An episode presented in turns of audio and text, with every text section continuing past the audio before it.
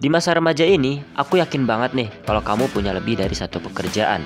Dan pastinya kamu suka punya kendala kan dalam memanage waktu?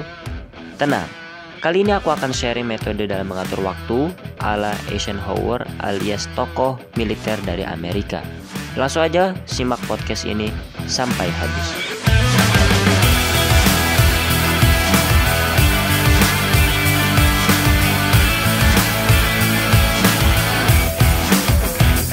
Hai, kembali lagi dengan saya, gue Non Malik Sadat di GMS Podcast. Oke, terima kasih teman-teman semua yang udah mau mendengarkan podcast episode ke-23 ini. Langsung aja teman-teman semua, seperti yang udah aku bicarakan di awal, kita sebagai remaja emang wajar banget ya punya lebih dari satu pekerjaan. Misalnya kamu sekarang lagi aktif di dunia perkuliahan, Kemudian juga kamu harus aktif di organisasi, di BEM atau di Dewan Eksekutif Mahasiswa. Nah, secara langsung kita harus bisa dong bagi waktu antara keduanya bagaimana kita bisa meningkatkan IPK kita atau IPS kita dan bagaimana kita bisa aktif atau menjadi orang yang bisa menggerakkan di organisasi. Nah, itu bagaimana caranya? Sedangkan kita memiliki dua pekerjaan, sama saja seperti membagi fokus kita fokus kita terbagi menjadi dua. Di dunia perkuliahan untuk belajar dan di organisasi untuk mengembangkan soft skill atau mungkin hard skill juga bisa. Nah, gitu teman-teman. Nah, semua itu sebenarnya ada caranya. Dan teman-teman semua pasti harus belajar. Karena kalau misalkan kita nggak pernah tahu teknik-teknik dalam memanage waktu atau time management ya, itu pasti kita akan kelabakan kita nggak mungkin kita akan menjalankan pekerjaan sesuai schedule yang udah kita buat. Karena sewaktu-waktu kita bakal mendapatkan pekerjaan yang tiba-tiba gitu. Jadi pekerjaan yang udah kita tetapkan di jam 12 misalnya akan maju menjadi jam 8 sedangkan di jam 8 itu ada pekerjaan lainnya. Tetapi kalau kita bandingkan itu sama-sama penting. Nah, bagaimana kita bisa mengatur skala prioritas kita? Jadi sebenarnya ini sangat penting sekali dan kalau teman-teman udah mahir di dalam time management berarti kamu akan mahir dalam memanage semuanya. Karena yang mengatur waktu itu susah. Mengatur pekerjaan itu sangat susah dan hanya orang-orang tertentu yang bisa memanfaatkan waktunya sebaik mungkin. Gitu. Sama seperti aku sekarang. Jujur, aku sharing di podcast, di Instagram, di TikTok tentang time management Aku pribadi masih kewalahan dalam memanage waktu aku pribadi walaupun aku sudah mengetahui materinya. Karena aku tahu yang namanya orang menjadi expert di bidangnya itu membutuhkan proses dan sekarang sebenarnya aku juga lagi belajar dan semoga aku bisa menjadi expert di bidangnya di suatu saat kemudian. Nah, banyak banget kendala yang aku dapatkan di sini karena di sini aku hanya bukan hanya aku fokusnya terbagi-bagi fokus belajar di dunia perkuliahan kemudian juga aku, aku didorong untuk aktif di Dewan Eksekutif Mahasiswa beserta kegiatan-kegiatannya. Dan kemudian aku juga seorang guru di sini. Dan juga seorang pemandu ekskul atau kegiatan-kegiatan santri yang bisa menumbuhkan soft skill mereka. Kemudian juga aku fokus di bidang content creation. Ya jadi aku membuat konten-konten ini. Jadi aku memikirkan dua project yaitu project untuk pondok pesantren yang sedang aku benahi dan yang kedua adalah project aku pribadi ya. Karena emang aku ingin membuat sebuah platform untuk fokus di bidang self education atau self atau life education itu bagaimana kita bisa mengembangkan sumber daya manusia di Indonesia ini dari segi karakternya dari segi kualitasnya itu teman-teman. Dan aku emang tertarik ya dari SMP SMA aku itu tertarik sama pengembangan diri pengembangan seseorang.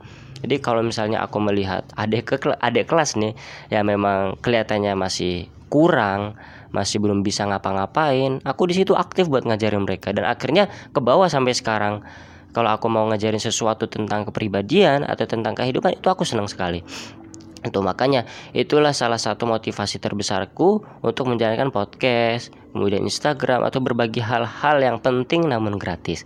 Oke, kembali ke topik. Jadi di sini kita akan belajar Eisenhower Matrix atau kotak yang dicetuskan oleh Eisenhower. Siapa Eisenhower? Ya sekilas itu tokoh militer di Amerika. Amerika Serikat. Nah, jadi di sini Eisenhower membagi dua empat jenis pekerjaan. Ya sebenarnya ini kuadran biar gampang teman-teman ngebayangin karena kan cuma dari audio ya. Kita tempatkan empat kotak. Kotak pertama yaitu untuk jenis pekerjaan yang pertama. Jenis pekerjaan pertama itu adalah pekerjaan yang penting dan pekerjaan yang darurat. Nah, untuk kotak yang kedua, jenis pekerjaan yang penting namun tidak darurat. Untuk kotak yang ketiga adalah pekerjaan yang tidak penting namun darurat.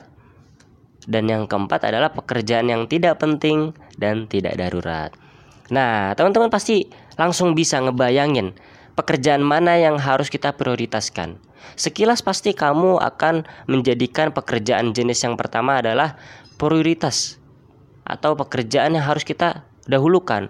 Ternyata setelah aku belajar dari Bang Umar ya itu salah satu mentor online aku. Dan sampai sekarang kita belum ketemu jadi aku tanya banyak sama dia kenapa dia bisa mengeluarkan statement seperti itu? Oh ternyata kita harus tahu dulu jenis-jenis atau contoh dari jenis-jenis pekerjaan tersebut. Oke kita langsung kasih contoh aja. Contoh pekerjaan yang penting dan pekerjaan yang mendesak. Misalnya apa? Menangani orang yang mendapatkan musibah. Atau misalnya kita tiba-tiba diberikan pekerjaan atau diberikan tugas yang deadline-nya hari ini juga. Nah, itu adalah pekerjaan yang pertama.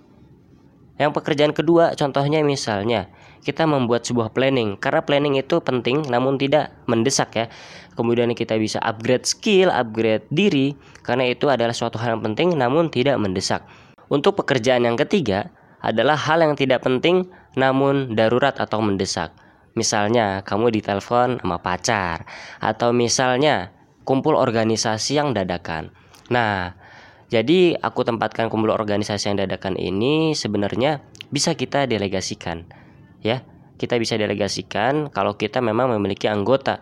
Tetapi kalau kita tidak memiliki anggota dan kita nggak bisa diwakilkan, nah itu bisa menjadi hal yang kita prioritaskan. Dan yang keempat, jenis pekerjaan yang keempat adalah yang tidak penting dan tidak mendesak. Contohnya adalah having fun, jalan-jalan atau nonton, kemudian main games dan seperti itu lainnya. Ya. Jadi sebenarnya kita harus mengunggulkan atau mendahulukan pekerjaan yang nomor dua, yaitu yang penting dan tidak mendesak. Kalau misalkan kita mendahulukan nomor yang pertama, kita membantu orang terkena musibah tanpa rencana bagaimana? Kalau misalkan kita mendengar bahwa ada orang yang terkena bencana, kemudian kita langsung turun tangan tanpa ada rencana, tanpa ada planning di otak kita bagaimana kita bisa menyelesaikan masalah tersebut, kehadiran kita akan sama aja, teman-teman. Ya, jadi kamu harus tahu bahwa planning itu adalah hal yang harus kita utamakan. Ya, yang penting dan tidak mendesak kita harus gerakan dan jangan sampai terlupakan. Walaupun memang untuk kuadran yang pertama atau jenis pekerjaan yang pertama itu harus kita lakukan ya sesuai dengan Eisenhower Matrix. Jadi untuk pekerjaan jenis pertama yang penting dan yang mendesak itu do, do it now. Kita harus lakukan sekarang juga. Jangan ditunda, jangan disepelekan. Nah, tapi kalau kita melihat jenis pekerjaan yang kedua yang penting namun tidak darurat, decide. Putuskan rencana apa yang akan kita buat, rencana apa yang akan kita bawa untuk menyelesaikan pekerjaan yang urgent dan penting important and urgent gitu. Nah, jadi kita harus tahu nih. Ini adalah cara kita membagi waktu dan cara membagi fokus kita.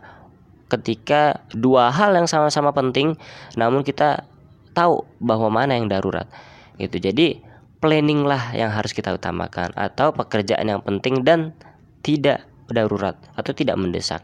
Dan sama juga seperti gini, kalau kita terlalu fokus kepada hal yang penting dan hal yang darurat, kita akan menjadi orang yang selalu menunda.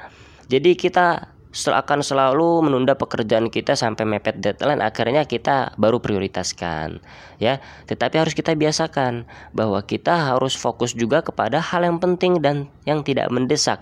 Jadi ketika kita mendapatkan PR mendapatkan tugas kita jangan sampai mendesak dulu Jangan sampai mepet deadline dulu baru kita kerjakan, jangan.